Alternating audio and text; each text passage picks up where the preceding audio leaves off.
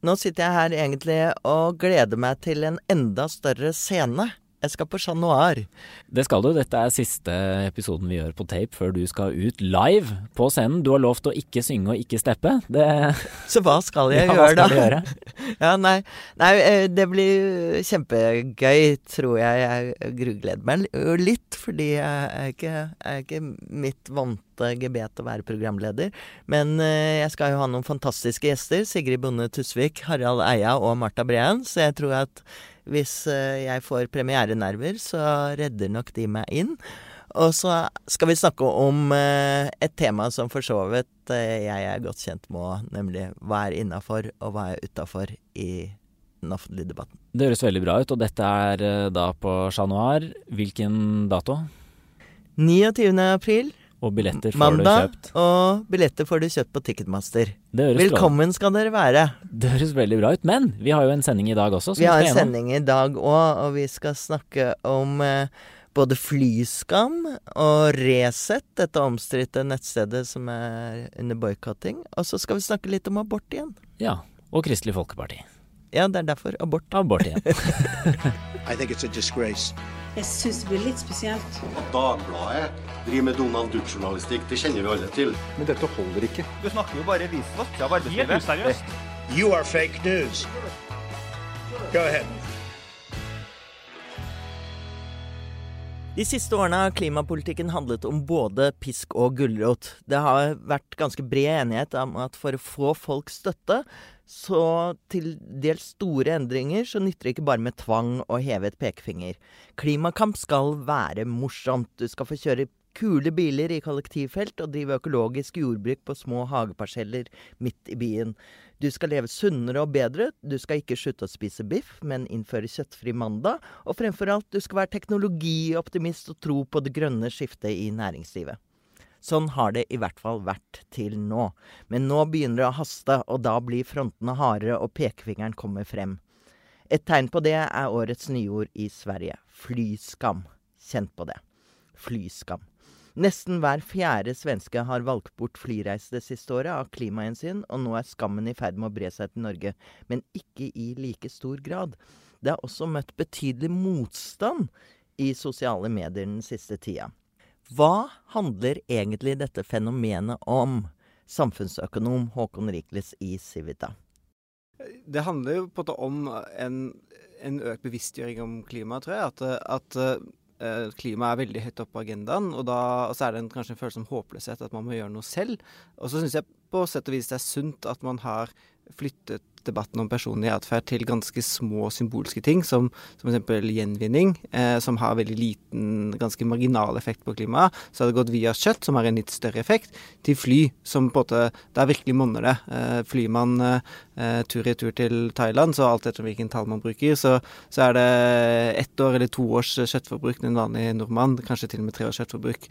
Eh, så, så det er på en måte det skal, det er, Hvis man først skal tenke at det er våre egne valg som er det som er løsningen på klimaproblemet, så er det fly man bør se på aller først, egentlig. For det er der et enkeltvalg virkelig kan gjøre en stor forskjell. Men det er jo kanskje det vi ikke ønsker å høre. Jeg, jeg bretter melkekartonger og tror at jeg da gjør mitt. Er Ja. det, er, det er litt sånn vi føler på. Ja, det er på en måte mer behagelig med en enkel avlat enn å slutte å synde. Eh, Det er jo kanskje en gjenkjennelig fenomen. Eh, Men hvis man skal gjøre ting som, som monner på det individuelle plan, eh, så, så må man da ta noe eh, som har store utslipp. Og det, det er ikke produksjon av melkekartonger som er problemet i klimasammenheng. Men, men du er litt skeptisk til dette uttrykket flyskam, og det å påføre enkeltmennesker skam for at de flyr. Ja, altså i utgangspunktet så jeg har ikke noe mot både bevisste individuelle valg og etiske valg som forbruker, eh, men jeg tror man fort kan eh, være på et feilspor hvis man tror at det er der eh, hovedproblemet på klimaet ligger. Det, et, det å løse klimaproblemet handler om å få ned utslipp i veldig mange deler av økonomien, som mange er veldig langt unna det forbrukere egentlig forholder seg til. Så ser man i Norge så er utslippene som er fra summen av all personbiltrafikk, flyreiser og kjøttforbruk er mindre enn en det næringslivet på fastlandet, altså utenom oljesektoren, eh, har hvert år. Så man trenger en omlegging av økonomien i stort. Eh, internasjonalt så er det eh, kull eh, i hovedsak brukt til elektrisitetsproduksjon, som er den største kilden til klimagassutslipp. Eh, og så man, man, trenger de politiske vedtakene og endringene som tar tak i det. Eh, og, og det vanlige borgere Det viktigste vanlige borgere kan gjøre, er å legge press på politikere og ha det høyt oppe på den politiske agendaen. Uh, og så kan man jo da si at det å ha uh, debatter om flyskam eller kjøttfri mandag og mer symbolske tiltak bidrar til å løfte klimasaken opp på agendaen. Men det kan også være en motsatt effekt, at man føler man har gjort nok, eller at, eller at man har retter eh, energien sin innover mot sin egen eh, eget liv, heller enn utover mot politiske endringer. Men vi snakker jo mye om eh, forbrukermakt, og jeg tenker at dette med flyskam Altså flyselskapene har jo ikke fått uh, merke så mye av forbrukernes vrede over at, uh, over at de har store utslipp uh, fordi vi liker å fly selv. Men hvis det er sånn at dette flyskam faktisk reduserer flyingen rundt i verden, vil det øke hastigheten på omleggingen i flyindustrien nå? Det, det, kan det jo, jo gjøre. Altså det, det, kan hende at forbrukermakt uh, virker. Jeg er litt sånn redd for at uh, flyskam kan bli en, det, det, mest engasjerte delen av befolkningen som, som uh, retter seg veldig etter det. Og så har man på en måte noen som kanskje har en motreaksjon, hvor de syns at dette blir et moralisering. og dermed så, så, vil de i hvert fall ikke forholde seg til det. Og så er det kanskje den store, kompakte majoriteten som, som, egentlig ikke er så veldig interessert eller bevisste. Så, så det blir kanskje Det kan fort bli en Eh, en, en, eh, en, en, diskusjon blant de som allerede er veldig opptatt av klima, eh, og at det kanskje ikke er nok flyreiser til at det monner. Men det er jo Så det er liksom MDG-politikerne som bruker toget allerede? De, ja, det kan, kan jo kanskje være, være det. Eh, samtidig så er jo det, Jeg tror nok flybransjen er bekymret for det. Hvis det på en måte ikke lenger blir sosialt akseptabelt å ta sydenferier, så vil jo det påvirke deres forretningsmodell ganske dramatisk. Men så er det også sånn at flyreisingen på et globalt nivå er veldig raskt økende. Eh, fordi altså det, det, er jo pga. velstandsøkningen i verden generelt, og, og, land hvor man knapt nok reiser med fly i det hele tatt, som begynner å komme opp i en, en stor middelklasse, som da vil begynne å reise. Eh, og, og, det kan være en mye større effekt enn, enn hva de, de, aller rikeste landene at de velger å avstå fra noen, avstå fra noen uh, få flyreiser i året. Geir Emnefjell, jeg har gitt deg en liten hjemmelekse ja. til denne podden. Nei da, jeg tenker at vi må, når vi snakker om flying, og du nevnte, Håkon, at, eh, at sammenlignet med å brette melkekartonger, så utgjør det ganske store utslipp. Men hvor mye utgjør det faktisk? Altså, vis oss noen tall som setter det i et perspektiv. Ok, um, vi kan jo prøve med, med først å uh, se hvor mye utgjør det totalt sett av norske klimautslipp. Um, da har Cicero regnet på det, og da har de tatt med for det. Når man flyr, så er det ikke bare liksom, CO2-utslipp. Det er også kondensstriper som flyene slipper opp ut i lufta. Som også er Chemtrails? Ja, det, det, er det noen kaller chemtrails. Det bidrar også til, uh, til oppvarmingen. og de har regnet, seg fram til at eh, eh nordmenns reisevaner står for 10% av norske utslipp, og fly står for 55% av det. Og så er det jo også et, eh, et, annet morsomt aspekt ved det. Det er at eh, de med høyest inntekt, de reiser mye mer med fly enn de med, med lavest inntekt. Så faktisk er det sånn at de Uh, og det bidrar til at de med de 20% med høyest inntekt i Norge, de har et uh, klimaavtrykk som er 240% høyere enn de 20% med lavest inntekt. Og det er ganske formidabelt. det, er, det er fordi rikingene flyr så mye frem og tilbake til sånne klimakonferanser. Ja, riktig. Ja, riktig. Eh, så, så det, er jo, det er helt riktig det som, som Håkon sier, at fly er jo av de personlige valgene vi gjør, så er det det, det som på en måte bidrar mest med, med utslipp.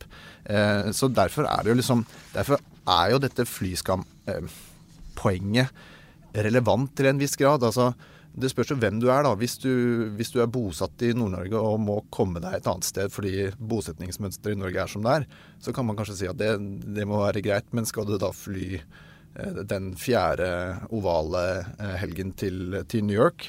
Så da tilsvarer det eh, eh, antall år med gjennomsnittlig kjøttforbruk 3,4 år. Så Det er én tur til, uh, fram og tilbake til, uh, til New York. Og de altså, Dette er en, en, utregning som Bondebladet har gjort, som må gjøre oppmerksom på det. De er veldig glad i kjøtt, kjøttbransjen. Men, men, de har laget en ganske god utregning hvor de har, hvor de har kontaktet relevante kilder og fått et ok sammenligningsgrunnlag. Og de har også regnet seg fram til at en tur fram og tilbake til Bangkok det tilsvarer faktisk da 4,9 år med gjennomsnittlig kjøttforbruk. Men apropos Bondebladet, så er jo Trygve Slagsvold Vedum har jo gjort uh, stor suksess med et litt sånn eh, mer varmt populistisk utsagn om bompengeringer og rushtidsavgifter og alt dette her, med at uh, det rammes usosialt. Er det noe av utfordringen, Håkon, når man skal sette inn sånne tiltak, og ikke minst kanskje drive med moralisering. Ja, altså i, i klimapolitikken generelt så er det på en, en, utfordring. Og det er jo de gule vestene i Frankrike som har blitt vil bli mer enn et drivstoffoppgjør. Begynte jo med, som et drivstoffopprør fra landsbygda, hvor uh, man var lei av at det ble stadig dyrere å kjøre bil. Og, og veldig mange av uh, Hvis man på en måte er, har over middels inntekt, uansett synes nye mattrender er spennende, bor i en by, uh, jobber i en tjenestenæring som ikke har noe forurensning, uh, har kort vei til jobb og kan sykle eller ta kollektiv, så er det liksom alle de på de individuelle valgene som handler om ja, men nå gjør vi dieselbil forbudt, og nå sier, nå, sier, vi at vi skal spise mindre kjøtt, og alle tingene passer helt inn i din livsstil. så, så det, det, det, kan man skjønne at det blir en motreaksjon. Og så kommer da så Flyskammen er på sett og vis da litt sympatisk, for det er da kommer man med noe som ikke passer så bra inn i den livsstilen, eh, og, og, da en pekefinger mot de som vanligvis kan smykke seg med å være grønnest, mens eh, de som kanskje har mer problemer med å tilpasse seg f.eks. høyere drivstoffpriser, eh, at næringer må omlegges, eh, plutselig kommer bedre ut på det regnestykket. Men, men tror du ikke at, uh, at vi om noen år kanskje vil se tilbake på den masseturismen, at vi kastet oss på billigreiser til Granca plutselig en weekend, er det, er det noe vi eh, kommer til å le litt av? Eller riste på hodet? Altså jeg, jeg, håper jo at uh, vi kommer til å se tilbake på det som uh, Ikke ser tilbake på det som noe som er tilbakelagt, men noe vi fortsatt kan gjøre fordi vi har funnet mer miljøvennlige måter å fly på.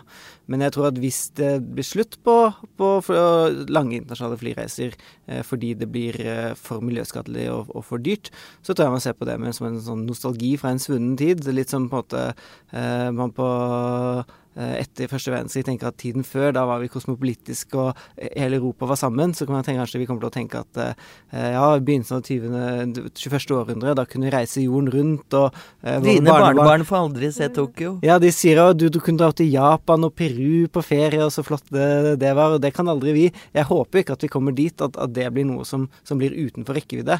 Men, men, hvis man skal Hvis vi ikke får endringer i hvordan fly, flyreiser foregår, og vi skal nå eh, klimamålene så er det ikke, rett og slett ikke rom for at uh, man kan ha så veldig mange sånne lange reiser. Det er kanskje noe man kan gjøre én gang i livet, ikke noe man kan gjøre stadig vekk.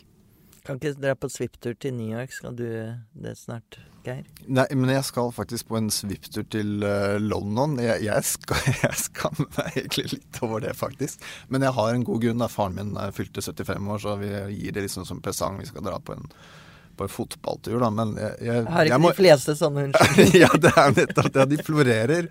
De florerer. Men, men jeg tror liksom den bevisstgjørings, det bevisstgjøringselementet, det har en, det har en verdi, da, uh, mener jeg.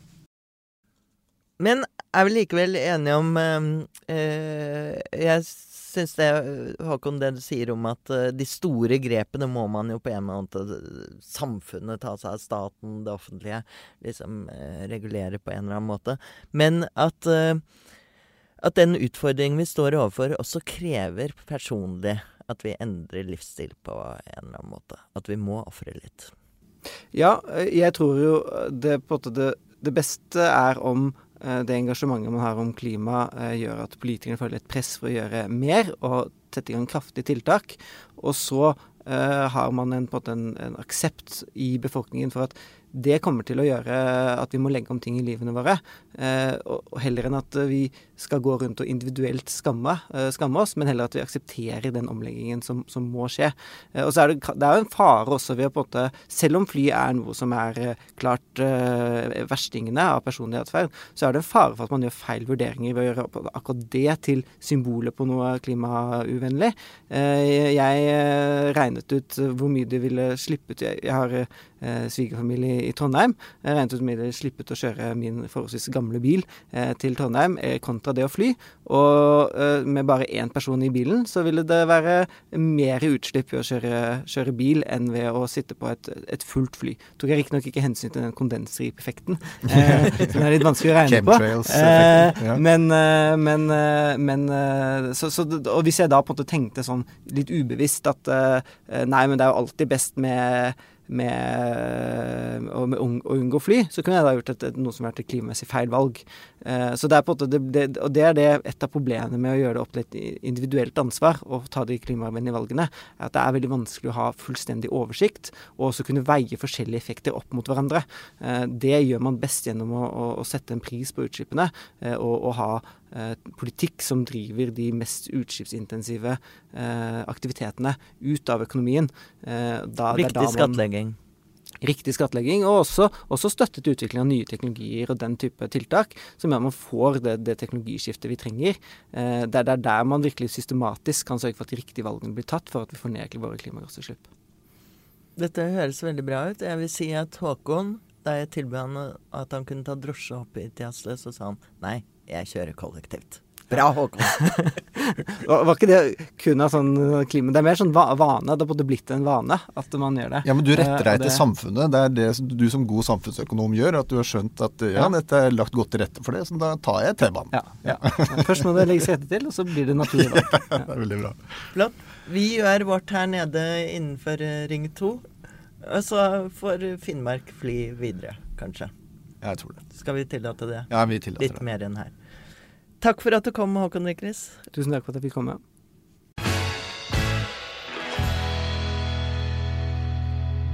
I påsken skjedde det noe morsomt i den eh, lokale presseandedammen. Eh, det viste seg at Twitter faktisk funket igjen, for der satte man i gang en kampanje som oppfordret til annonseboikott av nettstedet Resett eh, som jo er ganske så omstridt, og annet eh, beskyldt for å ha et, eh, eh et eh, kommentarfelt som ikke ligner grisen, og det kan jeg skrive under på. Eh, så det er, ikke, det er ikke kanskje så mange på hvert fall eh, på store deler av venstresiden eller store deler av norsk politikk som er så veldig glad i Resett. så den kampanjen fikk jo en voldsom eh, heiagjeng av jubel, og blant annet var statssekretær Sveinung Rotevatn var ute og så oppfordret folk, eh, annonsører, til å boikotte Resett. Men hvorfor var det så effektivt? Hva var det som egentlig skjedde her?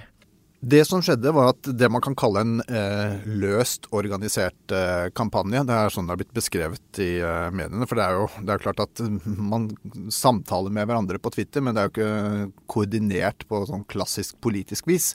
Eh, så var det enkeltpersoner som begynte å gjøre annonsører oppmerksomme på at deres annonser var eksponert hos eh, Resett. Um, annonsesystemet fungerer jo eh, nemlig sånn. Det er Google sitt annonsesystem. Det fungerer sånn at du vet ikke nødvendigvis hvor annonsen din dukker opp. Det er jo ikke sånn at du liksom Jeg vil kjøpe en annonseplass. Du bare sier til Google at plasser annonsen min i et sånn og sånt marked, eller eksponer det for den og den type målgrupper, eller, eller noe sånt.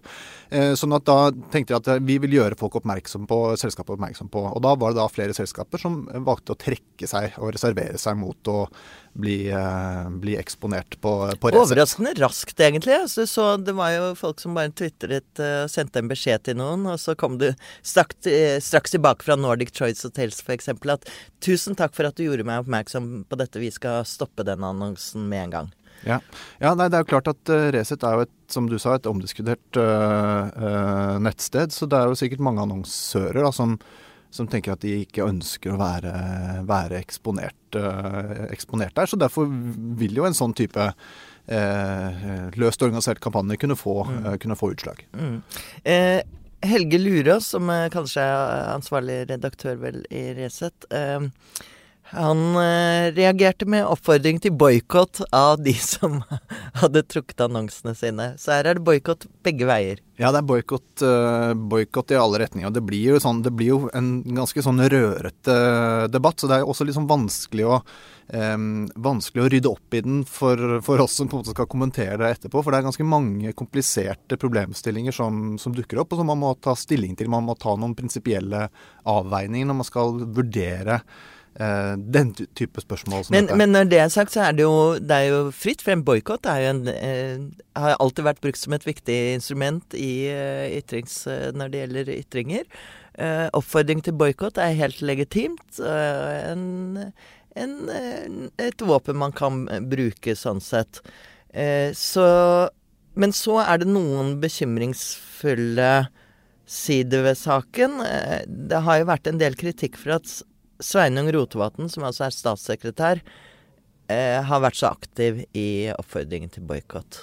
Ja, han sendte ut en uh, Twitter-melding hvor han retweetet en annen som hadde oppfordret til boikott, og sa dette var et godt tiltak. Og nevnte også to selskaper som han uh, henvendte seg til, og lurte på om, var, om dere virkelig ville indirekte støtte opp om, om Resett. Um, og det er klart at det er ingen som har noe plikt til å ta imot annonser. Det er ingen som har noe plikt til å annonsere. Man kan velge sjøl. Uh, og politikere har også uh, lov til å selvfølgelig lov til å engasjere seg i politiske spørsmål. Den type, også den type, den type saker som gjelder mediene. Men en styrende politiker, altså en politiker i en maktposisjon, skal jo være En del av regjeringsapparatet. En del av regjeringsapparatet skal være ekstra varsom med å eh, blande seg inn i Eh, mediene altså De oppfatter seg selv som, et, eh, som, et, som en avis, eh, og blander seg inn i måte, redaksjonell innhold og ikke minst finansieringsmulighetene. Ja, for det er jo sånn Det er mye tråder på kryss og tvers, men, men det har jo vært flere Frp-politikere som bl.a. er blitt kritisert fordi at de har oppfordret til boikott av enkeltaviser, eller de nekter å snakke med enkeltaviser, eller de brenner aviser som mm.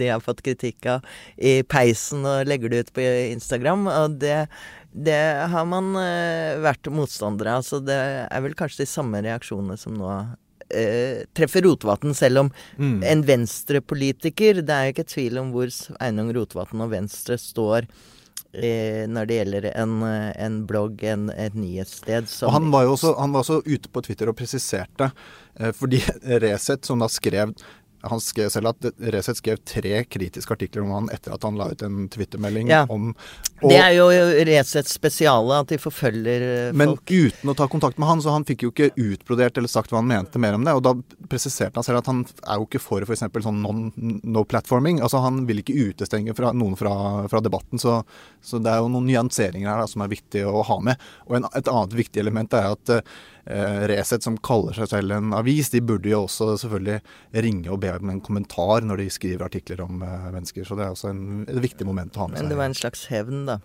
Eh, det er noe som jeg syns vi alle bør være litt skeptiske til, er Googles rolle i, dette her. Altså Google som er en enorm eh, global aktør, og som eh, har stor innflytelse på mediers publisering, inkludert vår eh, indirekte. Og de har altså stoppet annonsene på Resett. De har en forklaring på det, riktignok. Ja, forklaringen deres er at uh, de mener Resett har oppfordra leserne sine til å klikke på annonsene. Uh, de som da fortsatt var der, i forbindelse med at boikottsaken uh, kom opp. Og da skal da det ha Fordi klikk genererer inntekter? Det genererer inntekter for, for, for Resett.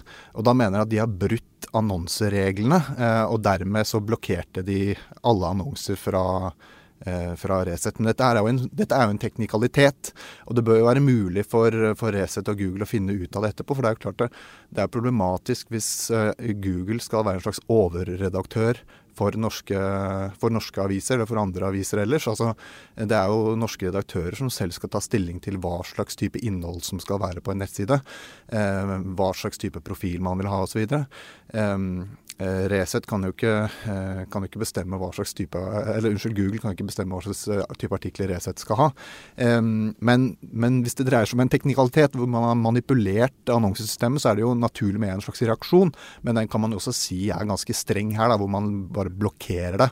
Ikke kom med eksempel en advarsel som jeg ikke eh, i hvert fall ikke har vært framme at det har eh, kommet til Resett. Men altså tilbake til utgangspunktet, så vil jeg understreke igjen at det er fritt frem eh, til å bruke sin forbrukermakt til å oppfordre til boikott av eh, et nettsted som man ikke liker. Og når Helge Lurås eh, skriker opp om ytringsfrihet, så lyder jo det litt hult. Han har jo mange ganger oppfordret til boikott av, eh, av det han kaller mainstream media, altså Dagbladet. Ja, altså han, han gikk jo ut Det var et, et, et kritisk intervju med Listhaug i Dagsrevyen, tror jeg det var. Så skrev han en ganske sånn harmdirrende kommentar om liksom, vi må ta avstand fra det, vi må slutte å bruke disse mediene. Så han har jo selv et, eh, et, et litt uh, tvilsomt forhold til mediemangfold og ytringsfrihet sjøl, da. Um, men når det er sagt, uh, Dagbladet som avis er jo ikke, oppfordrer jo ikke til noe boikott. Men det er helt legitimt uh, å, å, uttrykke det som politisk, politisk uh, standpunkt.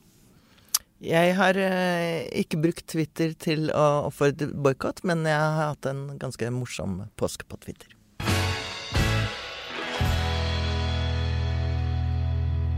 KrF har landsmøte i helgen, og jeg merker at min voldsomme interesse for KrF i fjor høst og i vinter har dalt lite grann. Hva kan det komme av, Ola Magnus og Ryddi? Du skal jo dekke dette her. Ja, nei, jeg, altså Det som skjedde med KrF i høst var jo helt ekstraordinært, men nå er jo KrF tilbake på sitt helt ordinære spor. Altså Problemene er de samme som de har hatt i alle år, som jeg, som jeg kan huske.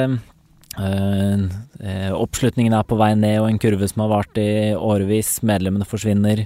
De sliter med å fornye seg. De er fortsatt verdikonservative. De taper helt eller delvis alle de store slagene om de viktigste sakene. Så det er KrF er til å kjenne igjen, da. Er det ingen lyspunkt? Jo, altså er, du skal ikke se bort ifra at de kan få en viss når Ropstad klarer å få med seg partiet. At du kan nå få en vitamininnsprøytning av å si vi er i regjering, vi får faktisk en del politiske gjennomslag, bare at de er litt dårlige på å vise det.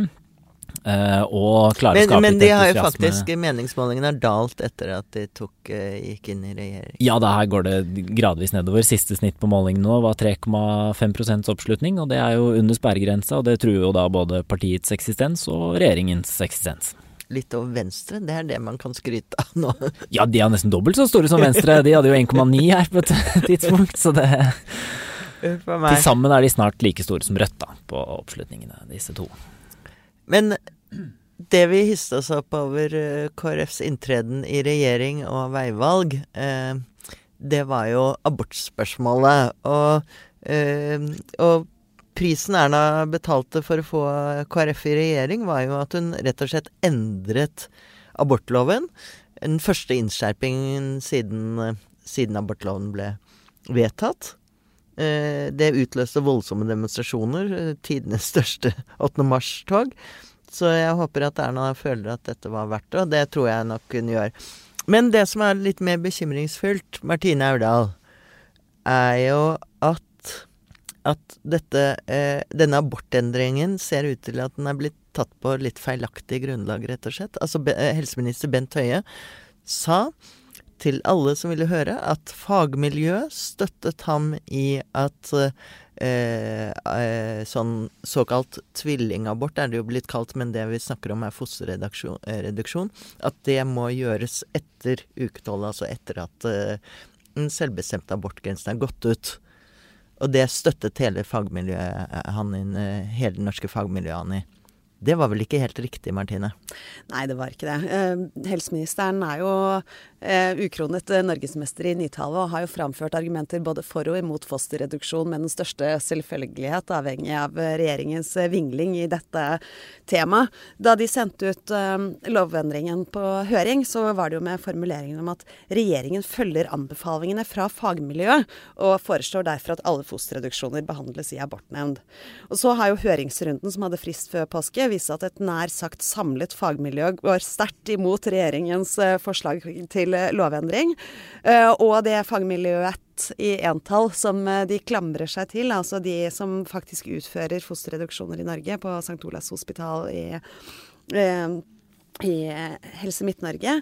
De kalles da, nå i Dagsavisen denne uka, av Mark Evans, som er den som har skrevet faglitteraturen på dette feltet i hovedsak de siste 30 år, uh, kaller deres argumentasjon for bullshit, og mener at uh, de gjennom uh, sin argumentasjon viser at de egentlig ikke er kompetente til å utføre fosterreduksjon i det hele tatt. Og at man burde finne noen nye unge leger som kan sendes på opplæring i utlandet. Ja, ikke sant. Og denne Mark Evans han har foretatt flere tusen fosterreduksjoner, mens oppe i Trondheim, hvor de, dette skjer ved St. Olavs hospital, så er det maks 15 i året.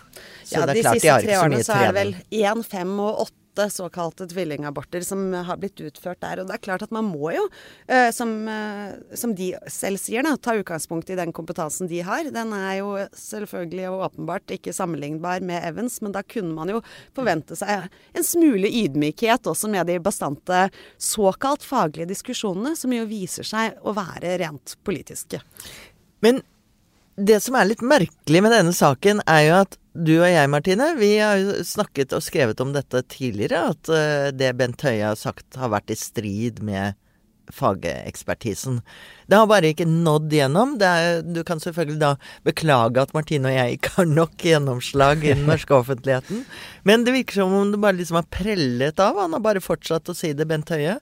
Og helseministeren, er det hva slags ord er det vi bruker? Er han ikke helt sannferdig? Nei, han er åpenbart ikke ærlig, i hvert fall i dette, øh, i dette, tilfellet. Når regjeringen sier at de følger anbefalingene fra fagmiljøet, så burde de jo i stedet si at i strid med klare råd fra et nær sagt samlet fagmiljø, herunder legene, sykepleierne, jordmødrene, gynekologene øh, og Rådet for legeetikk og Statens helsetilsyn, vil de innskrenke kvinners rett til abort i Norge. Ikke sant. Og Mark Evans, eksperten på dette området, verdens største ekspert på dette området, han er helt enig med deg og meg, Martine. Han sier dette er en politisk beslutning og ikke en medisinsk. Det er det helt opplagt, og det er en eh, politisk hestehandel som vil få betydning for eh, sårbare norske kvinner i lang tid framover. Det er jo fascinerende for KrF til helga å se hvor uh, vellykka den hestehandelen faktisk har vært. Altså De taper jo nå uh, grunn hos uh, unge og unge kvinner spesielt, og valgforskerne beskriver jo uh, eller forklarer jo noe av de, de tapene med hele den debatten om Eller hele abortstriden som var i, var i vinter. Ja, for dette har vi jo vært inne på, at også KrF-ere er i grunnen for abortloven. Viser meningsmålinger. Men de har jo vært nødt til å, å, få gjennom dette ene gjennomslaget for å kunne forsvare den svært kontroversielle beslutningen om å gå inn i regjering med Ja, det er først og fremst Frp som er, er det kontroversielle innad i KrF her. Og, og når da selv denne seieren viser seg såpass dyrekjøpt, så ja, er det grunn til å være spent, for å si det sånn, på KrFs Eh, utvikling også framover, i en tid hvor de jo har eh, blødd på meningsmålingene. De har mistet mange sentrale tillitsvalgte rundt omkring eh, i landet i den siste perioden. Og det er et svekket parti som går inn i landsmøtene. Men, men det vi kan si er at Ropstad ble jo tatt i fjor høst i å gi feilaktig informasjon da han eh, ønsket å endre abortloven, bl.a. når det gjelder abortgrunnlaget. Han virker som han ikke hadde satt seg inn i det, men, men, det var vel rett og slett misvisende og feilaktig. Og så har Bent Høie fulgt opp med også en misvisende og feilaktig fremstilling av fagkunnskapen på området. Ja, Det man kan si da, i den grad at KrF skulle velge hvem skal være våre venner fremover, så har de jo valgt seg en veldig god venn i Høyre, som åpenbart er villig til å strekke seg ganske langt for å forsvare sin uh, nye kamerat. det er snart de eneste, så da får, da får Erna gå i gang med det hun hun kan best, nemlig å bønnfalle sine velgere om å stemme på KrF. det lykkes jo for Venstre, så kanskje kan det gå for KrF òg. ja, ja. Men uh, lykke til, uh, Ola, med et uh, hyggelig landsmøte i helgen. Takk for det. Ja, det, det blir ikke noe hjelp på deg.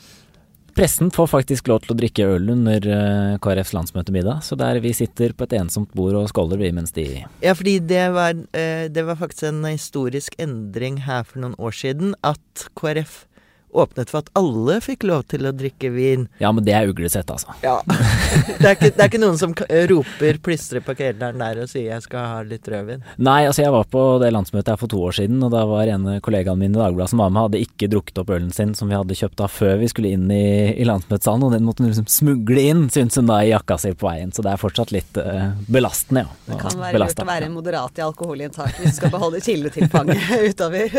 det er det òg. Du har hørt på siste med Marie Simonsen, og bak spakene har som vanlig vært Ola Magnussen Rydje. Eh, tusen takk for at du hørte på, og gå gjerne inn og lik oss på Facebook, og rate oss der dere kan. Eh, stjerner i boka og i taket og overalt, det liker vi. God helg!